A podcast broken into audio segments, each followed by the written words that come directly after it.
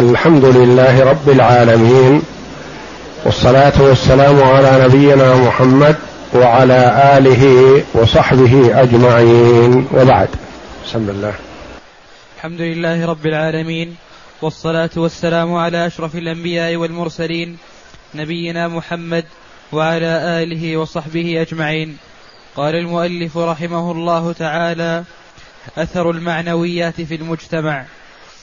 أثر المعنويات في المجتمع الإسلامي الأول. هذا الذي أسسه المصطفى صلى الله عليه وسلم. على الحب والإلف والمحبة والإيثار والتعاون على البر والتقوى. وكان عليه الصلاة والسلام هو القدوة الحسنة فهو يأمر بالخير وهو السابق إليه وينهى عن الشر وهو المجتنب له صلى الله عليه وسلم. والله جل وعلا يقول لكم في رسول الله أسوة حسنة. فهو الأسوة والقدوة الصالحة وهو الموجه والمربي والمعلم والصحابة رضي الله عنهم أفضل المجتمعات بتربيته صلى الله عليه وسلم وببركة صحبته صلوات الله وسلامه عليه. نعم. بهذه الحكمة وبهذه الحذاقة ارسل رسول الله صلى الله عليه وسلم قواعد مجتمع جديد لأن هذا مجتمع جديد أسس على تأسيس متين من الإيمان بالله جل وعلا والإقتداء برسوله صلى الله عليه وسلم فهو أفضل المجتمعات. من أول الدنيا إلى آخرها. إذا استثني الأنبياء صلوات الله وسلامه عليهم فقرنه صلى الله عليه وسلم خير القرون. ولكن كانت هذه الظاهرة أثر أثرا للمعاني التي كان يتمتع بها أولئك الأمجاد بفضل صحبة النبي صلى الله عليه وسلم وكان النبي صلى الله عليه وسلم يتعهدهم بالتعليم والتربية وتزكية النفوس والحث على مكارم الأخلاق. فهو باستمرار يعلمهم صلى الله عليه وسلم ويربيهم ويأمرهم وينهاهم ولم يتركهم صلوات الله وسلامه عليه لما اتصفوا به من الخير والصلاح وإنما هم متصفون بهذا وهو عليه الصلاة والسلام يتعهدهم كما قال الله جل وعلا وذكر فإن الذكرى تنفع المؤمنين.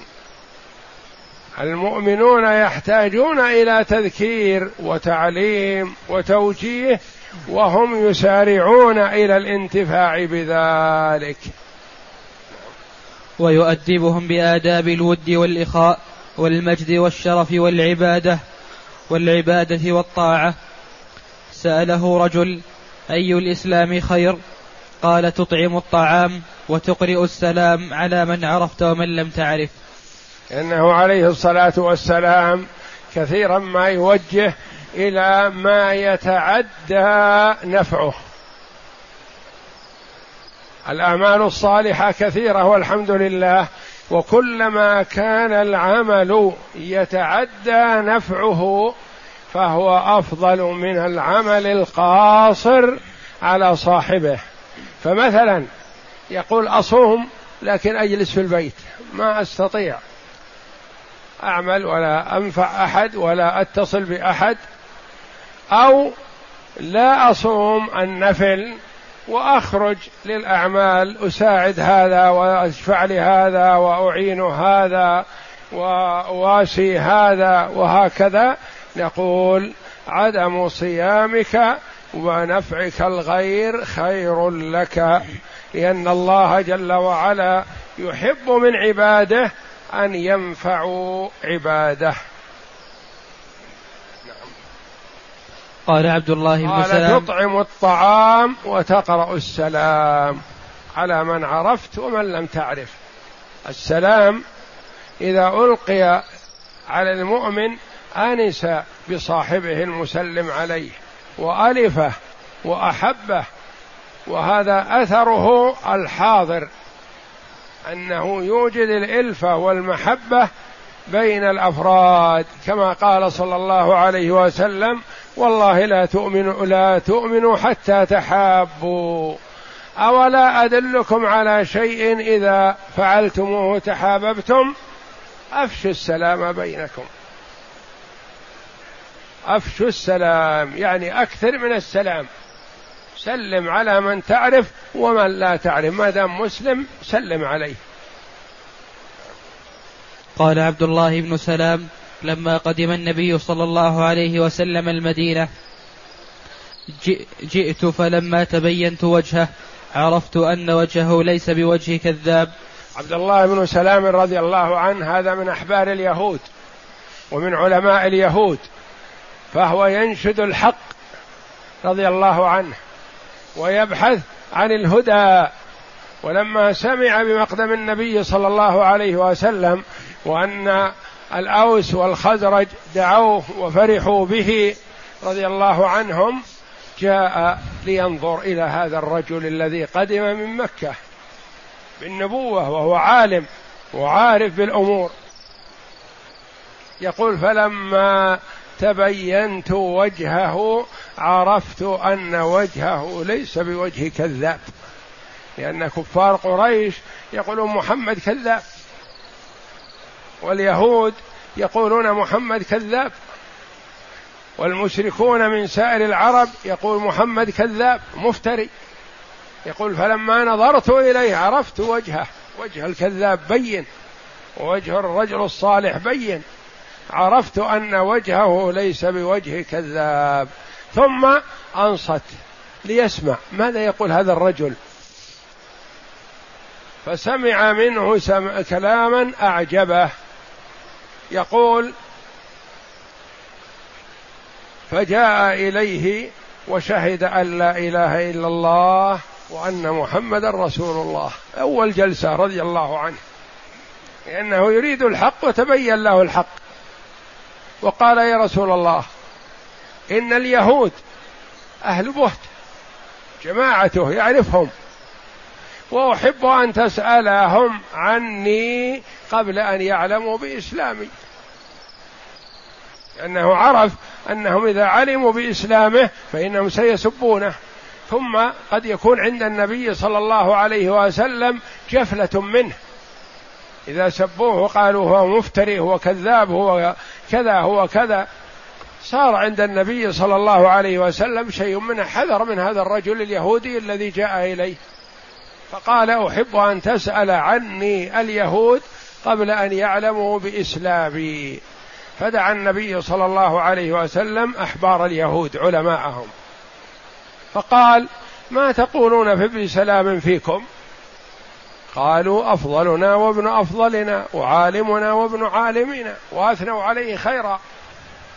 فقال أرأيتم إن أسلم تسلمون؟ قالوا حاشاه لله إن يسلم. ما يسلم؟ ما يتبعك؟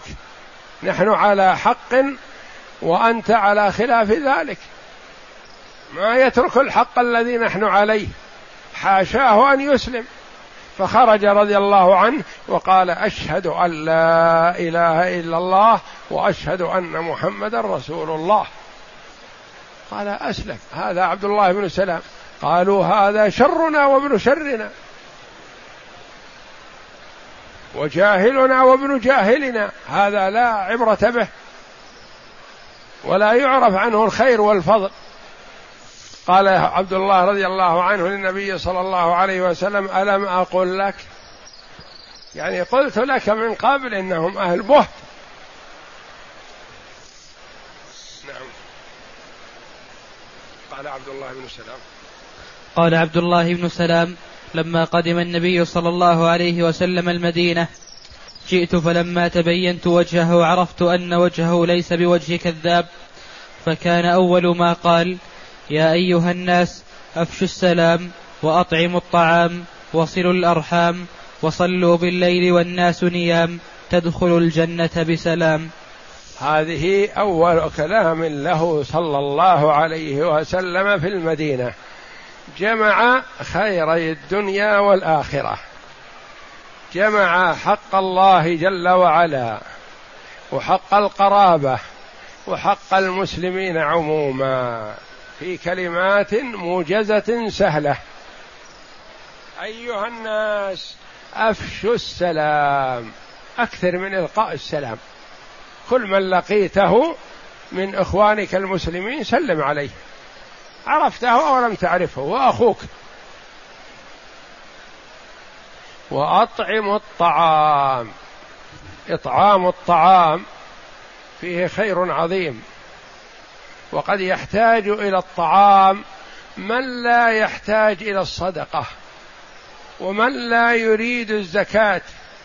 قد يجوع المرء فيحتاج إلى طعام وهو غني. لكنه ما تيسر له طعام. لسبب من الأسباب فتقديم الطعام للجائع فيه أجر عظيم سواء كان غنيا أو فقيرا. ولهذا رتب النبي صلى الله عليه وسلم الثواب الجزيل على من فطر صائم وليس كل صائم فقير. ففطر صائم غنيا كان أو فقيرا فله مثل أجره من غير أن ينقص من أجره شيء. قالوا يا رسول الله ليس كلنا يجد ما يفطر الصائم. الصحابة رضي الله عنهم يغلب عليهم الفقر والحاجة. ما عندنا ما نفطر به الصائم. قال يعطي الله هذا الثواب من فطر صائما على تمرة أو على مذقة لبن أو على شربة ماء. أمر الله فيه سعة والشيء القليل يؤدي الغرض أفشوا السلام وأطعموا الطعام وصلوا الأرحام.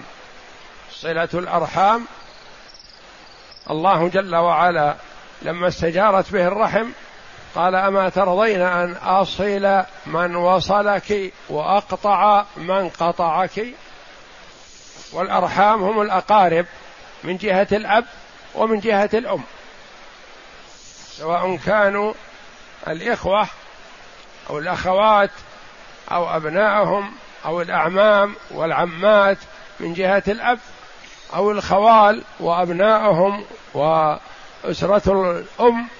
هؤلاء هم الأرحام سواء كانوا من قبل الأب أو من قبل الأم. وصلوا بالليل والناس نيام.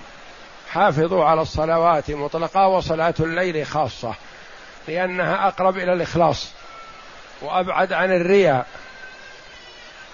وأقرب لاستحضار معاني القرآن وتدبره كما قال الله جل وعلا إن ناشئة الليل هي أشد وطئا وأقوم قيلا. فصلاة الليل لها فضل على صلاة النهار. كما قال عليه الصلاة والسلام أفضل الصيام بعد رمضان شهر الله الذي تدعونه المحرم وأفضل الصلاة بعد المكتوبة قيام الليل. تدخل الجنة بسلام. إذا فعلتم هذه الأفعال الله جل وعلا يثيبكم. تدخل الجنة دخول الجنة غنيمة. ودخولها هذا بسلام لأن من الناس من يدخل الجنة لكن يكون بعد مرور على النار وتعذيبه فيها. من الناس من يدخل الجنة لكن يناله مشقة في المحشر. من الناس من يدخل الجنة لكن يضيق عليه في قبره أو يكون القبر عليه فيه نار ويعذب في قبره كما قال عن الرجلين إنهما لا يعذبان وما يعذبان في كبير وهما مسلمان. يعذبان في قبورهما وهما مسلمان. أما أحدهم فكان يمشي بالنميمة وأما الآخر فكان لا يستبرئ من البول. فقد يدخل المرء المسلم الجنة لكن يدخلها بعد مشقة وبعد تعب. لكن إذا أقام بما وجهه إليه المصطفى صلى الله عليه وسلم دخل الجنة بسلام.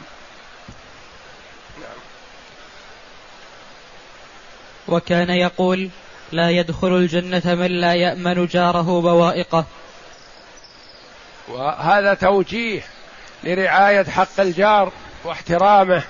وأداء حقه وعدم خيانته لا يدخل الجنة. من لا يأمن جاره بوائقه يعني خيانته. يعني يكون الجار حذر من جاره. هذا الجار الذي يخافه جاره جار سوء. وتوعده النبي صلى الله عليه وسلم بأنه لا يدخل الجنة. يعني يكون الجار على وجل وعلى خوف من جاره أن يطلع على عورته. فهذا الذي بهذه الصفة متوعد بهذا الوعيد. متوعد بهذا الوعيد. وليس المراد والله أعلم أنه لا يدخل الجنة أبدا ما دام يشهد أن لا إله إلا الله وأن محمد رسول الله ويصلي ويصوم فيحتمل أنه لا يدخل الجنة مع الأولين. لا يدخل الجنة بسلام وإنما يناله شيء من التعذيب.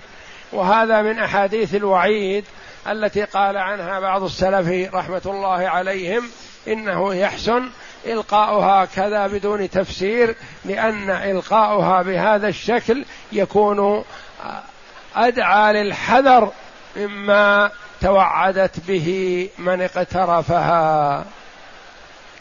لا يدخل الجنة من لا يأمن جاره بوائقه بل بوائق الخيانة. لا يأمن خيانته لا يأمن اطلاعه على عورته لا يأمن أن يغشه في شيء ما. ويقول المسلم من سلم المسلمون من لسانه ويده. المسلم حقا المطبق لتعاليم الإسلام من سلم المسلمون من لسانه. غيبة نميمة قول زور شهادة زور كلام سيء فيه. من سلم المسلمون من لسانه ويده سلموا من يده فما امتدت إليه بضرب ولا أذى ولا سرقة ولا اختلاس مال ولا نحو ذلك. يعني سلم المسلمون من جوارحه. من اللسان واليد وهما أخطر ما في الإنسان عليه إذا لم يستقيما. ولهذا جعل صلى الله عليه وسلم في الكلمة البسيطة يقولها الإنسان يسب صاحبه جلد ثمانين جلدة إذا قذفه بشيء هو منه بريء. ثمانين جلدة. واليد إذا سرقت ثلاثة دراهم تقطع. وفيها مع السلامة والأمانة خمسون من الإبل. تقطع في ثلاثة دراهم ما تساوي عقال بعير. كل هذا لصيانة الأموال وحفظها. فاليد لما كانت أمينة كانت غالية وثمينة لكن لما خانت وسرقت تقطع في ثلاثة دراهم. ثلاثة دراهم في حدود ريال إلا تقطع فيه اليد. كل هذا لصيانة الأموال. ويحذر النبي صلى الله عليه وسلم أن من لم يسلم المسلمون من لسانه ويده فإنه على خطر. حتى لو شهد أن لا إله إلا الله وأن محمد رسول الله وصلى وصام فهو على خطر عظيم. كما قال عليه الصلاة والسلام وهل يكب الناس في النار على وجوههم أو قال على مناخرهم إلا حصائد ألسنتهم. كلام اللسان ربما يتكلم بالكلمة وهو يضحك أو يريد إضحاك الآخرين. يتهكم بأخيه المسلم فيدخل النار بهذا. يتهكم بأخيه المسلم أو يسخر به أو يكذب عليه أو نحو ذلك بحصد اللسان. ما امتدت يد ولا سرق مال ولا أخذ شيء وإنما تكلم بلسانه. وقد استغرب معاذ رضي الله عنه قال يا رسول الله وإنا لمؤاخذون بما نتكلم به. يعني نتكلم في المجالس كلام لا قيمة له ولا نعبأ به ولا نهتم له. ولا نظن أنه أننا مؤاخذون به. قال يا معاذ ثكلتك أمك يا معاذ وهل يكب الناس في النار على وجوههم إلا حصائد ألسنتهم يعني ما تحصده الألسن. يدخله النار والعياذ بالله. فالنبي صلى الله عليه وسلم يربي الأمة وليست هذه التربية للصحابة رضي الله عنهم بل للأمة قاطبة. فهو يتكلم بالكلام تشريع للأمة. من أولها إلى أن يرث الله الأرض ومن عليها. إلى آخر أمة محمد صلى الله عليه وسلم كلهم يوجهون بهذا. فقوله صلى الله عليه وسلم المسلم من سلم المسلمون من لسانه ويده ليست للصحابة فقط وإنما للصحابة ولمن بعدهم ولنا ولمن يأتي بعدنا ولعموم الأمة. فليحذر المسلم أن يكون مسلما لكن ما يسلم المسلمون من لسانه ويده فينقص إسلامه ينقص إيمانه. يختل يكون على خطر عظيم ويخشى عليه من سوء الخاتمة والعياذ بالله. نعم. ويقول لا يؤمن أحدكم حتى يحب لأخيه ما يحب لنفسه. لا يؤمن الإيمان الكامل. الذي يدخل به الجنة مع السابقين الأولين حتى يحب لأخيه ما يحب لنفسه. مثل ما إنك أنت ما تحب أن تغش فلا تغش أخيك. مثل ما إنك لا تحب أن تظلم لا تظلم أخاك. مثل ما إنك لا تحب أن تؤذى لا تؤذي أخاك. لا يؤمن المرء الإيمان الكامل الصحيح الذي يدخله الجنة مع السابقين الأولين حتى يكون بهذه الصفة. يحب لأخيه المسلم ما يحبه لنفسه. وهذه كلها في علاقات المرء بالمجتمع. إنه عليه الصلاة والسلام بصدد ترسية قواعد المجتمع وتربية أفراد المجتمع على الأمور الحسنة وعلى ما يتعدى نفعه. والتحذير مما يتعدى ضرره. ويقول المؤمنون كرجل واحد إذا اشتكى عينه اشتكى كله وإن اشتكى رأسه اشتكى كله. المؤمنون كرجل واحد يعني أفراد المجتمع مثل أجزاء البدن. يعني كأن الإسلام والمسلمين رجل واحد بدن واحد. فإذا تألمت العين تألم سائر البدن. إذا تألمت الأذن تألم سائر البدن. إذا تألمت الأصبع تألم سائر البدن. ما تكون يكون الألم للأصبع وباقي البدن مستريح ونايم؟ لا. فكذلك أفراد المجتمع ينبغي أن يكونوا كذلك. إذا تأثر واحد منهم يكون كلهم معه ومساعدون له ومحاولون للتخفيف عن ما يصيبه. ويقول المؤمن للمؤمن كالبنيان يشد بعضه بعضا.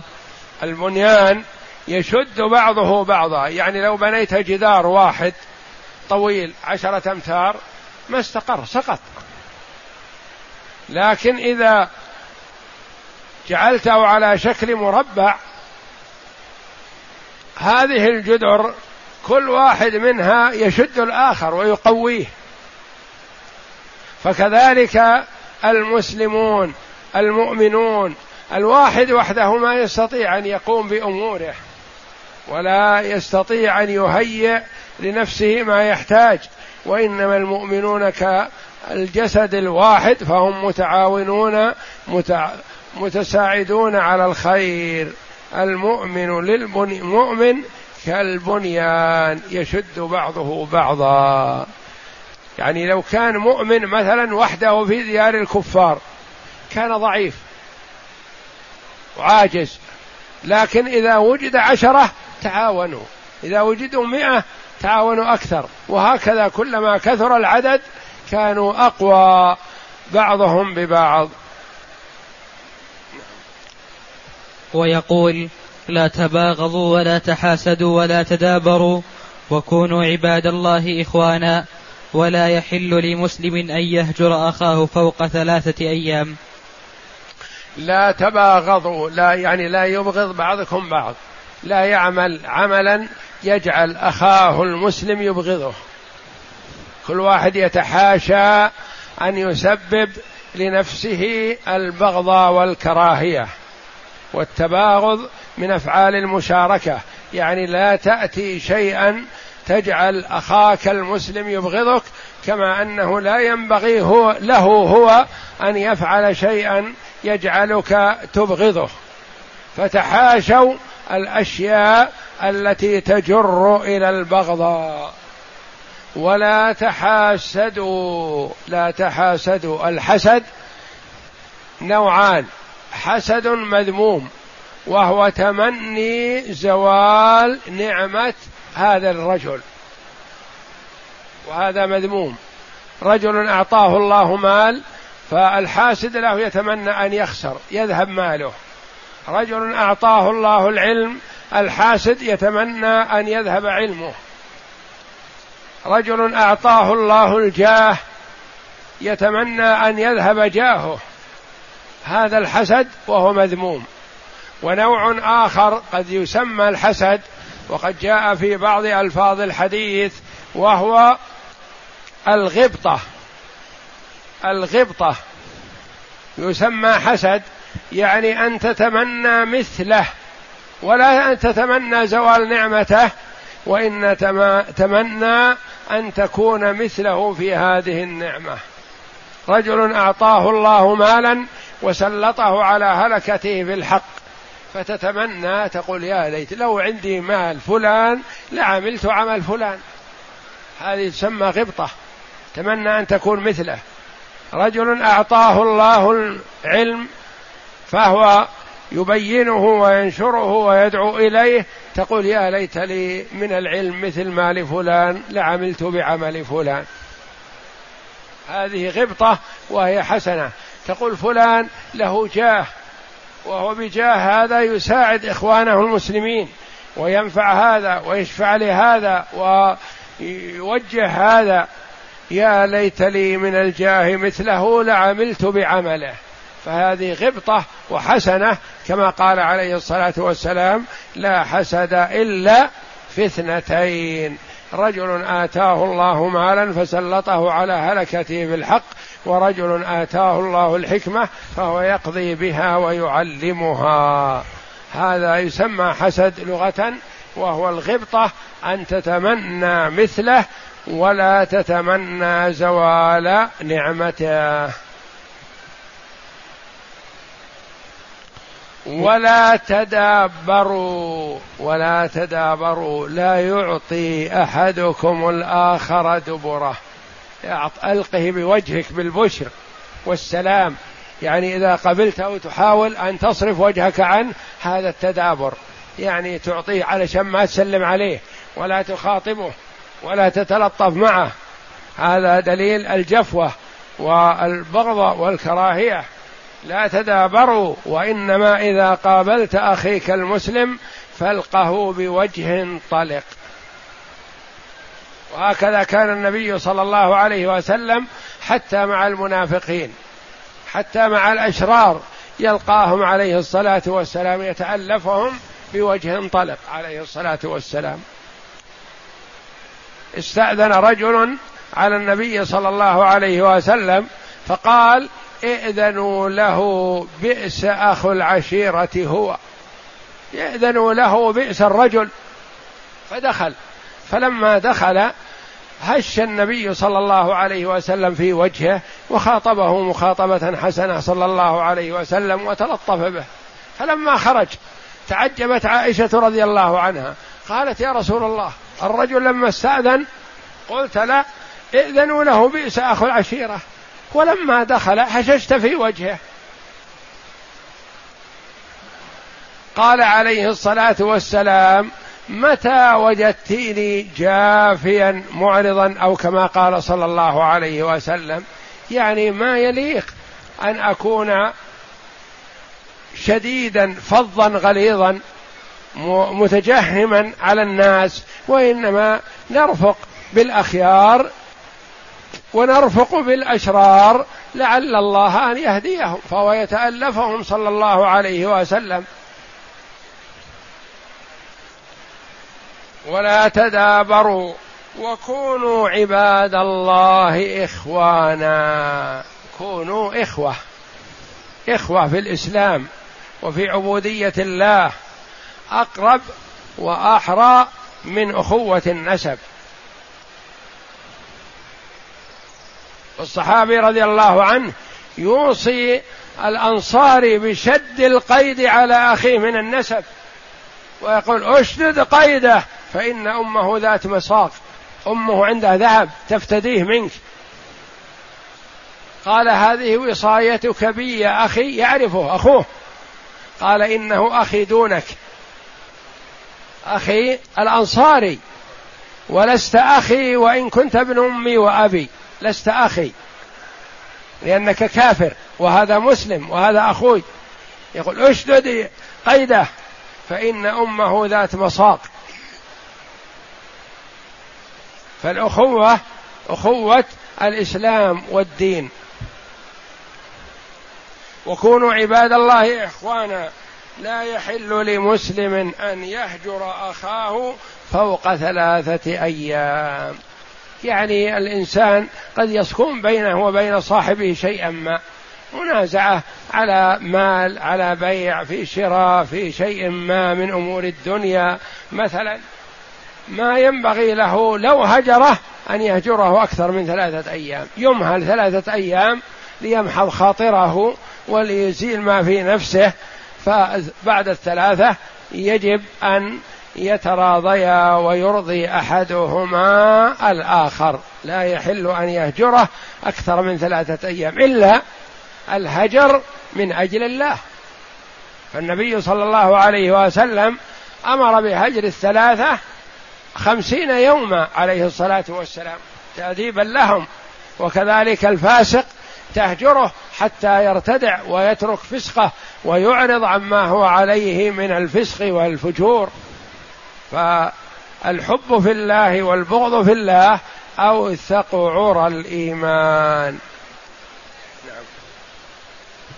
وكان يقول المسلم أخو المسلم لا يظلمه ولا يسلمه. ولا يسلمه. ولا يسلمه.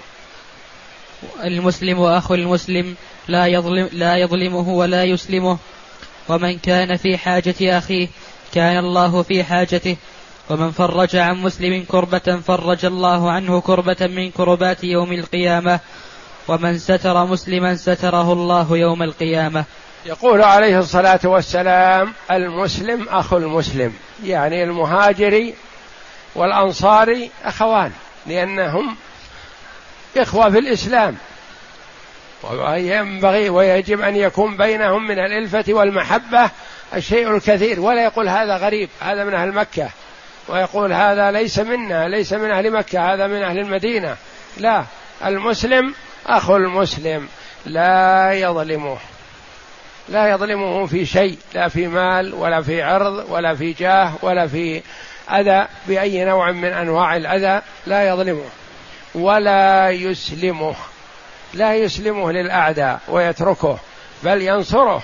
انصر أخاك ظالما أو مظلوما.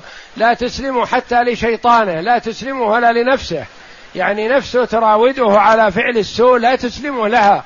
أن تساعده وخلصه مما يقوده هواه إليه من الشر. لا يسلمه يعني لا يتركه ويتبرى منه ويقول خله وما أراد. لا. خذ بيده. انصر أخاك ظالما أو مظلوما. قال يا رسول الله هذا إذا كان ظالم فهذا إذا كان مظلوم أنصره فكيف أنصره إذا كان ظالما؟ إذا كان ظالم أساعده على ظلمه؟ قال لا تكفه عن ظلمه تنصره فذلك نصر منك له. إذا كففته عن ظلمه قلت لا يا فلان ما يليق بك هذا؟ أنت رجل فيك خير وأنت تعرف وأنت عاقل وهذا ما يصدر من مثلك. ارجع يا أخي عما تقول لأخيك المسلم. فعلك مع أخيك هذا ظلم له. فأرجع عما أنت عليه. وهكذا تكفه وتحجزه وتمنعه عن ظلمه. فذلك نصر له. انصر أخاك ظالما أو مظلوما. لا يظلمه ولا يسلمه. ومن كان في حاجة أخيه كان الله في حاجته. المسلم يسعى في حاجة أخيه المسلم الله جل وعلا ييسر له أموره ويقضي حاجته. كان بعض السلف الذين فهموا معنى هذا الحديث حقا وطبقوه على أنفسهم إذا كانت له حاجة واشتدت عليه وصعبت تركها وذهب عمن هو دونه يساعده في حاجة ما. يساعده في حاجة ما.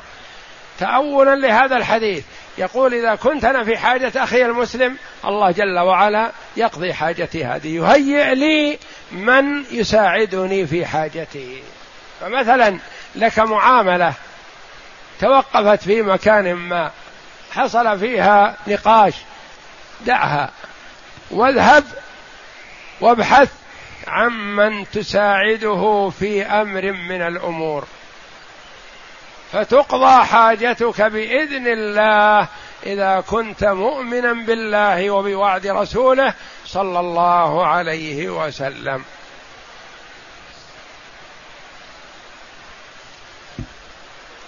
ومن كان في حاجة أخيه كان الله في حاجته. ومن فرج عن مسلم كربة فرج الله عنه كربة من كربات يوم القيامة الجزاء من جنس العمل. كما أنك تساعد أخاك المسلم وتفرج عنه كربته وتعينه الله جل وعلا يفرج عنك الكرب الشاقة العظمى. ومن ستر مسلما ستره الله يوم القيامة. المؤمن يستر وينصح. رأيت من أخيك المسلم زلة خطيئة ما تشهر به وتقول فلان فاتته صلاة العصر فلان كذا فلان سمعته يكذب فلان كلم امرأة أجنبية كلام ريبة كلام كذا. لا يا أخي.